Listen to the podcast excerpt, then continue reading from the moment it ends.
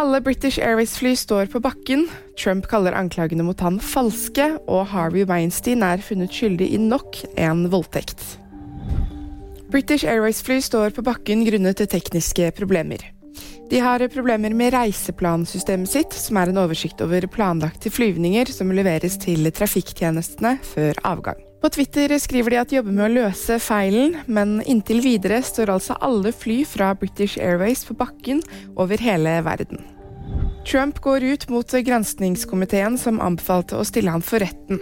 Han mener at de anklager ham på et falskt grunnlag i et forsøk på å hindre ham i å stille til presidentvalget i 2024. Det var mandag kveld at 6. januar-komiteen kom med en enstemmig anbefaling om at Trump stilles for retten.